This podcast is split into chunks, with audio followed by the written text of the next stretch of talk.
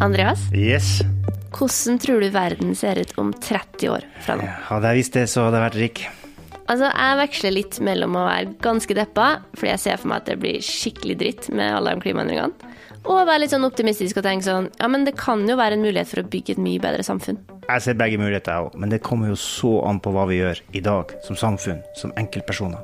Det gjør det, og det er derfor jeg og du sitter i det her podkaststudioet. Ja, og jeg er Andreas Ytterstad, jeg er professor her på Oslo OsloMet. Jeg er Ingrid Salvesen, journalist, og det skal jo ikke bare være oss to, da. Vi skal jo snakke med bønder, oljearbeidere, klimaaktivister, biskoper.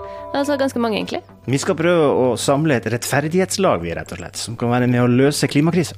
Vi skal det fordi du har sett filmen Justice League. Ja, men det er en parallell, skjønner du. Det er jo nødvendig å samle alle gode krefter hvis vi skal klare det her. Det er det. Jeg blir med på det laget, og du som hører på, du kan også bli med på det laget. Lytt til podkasten Rett fram i din podkastapp. Vi skal komme frem, men vi må gjøre det rett.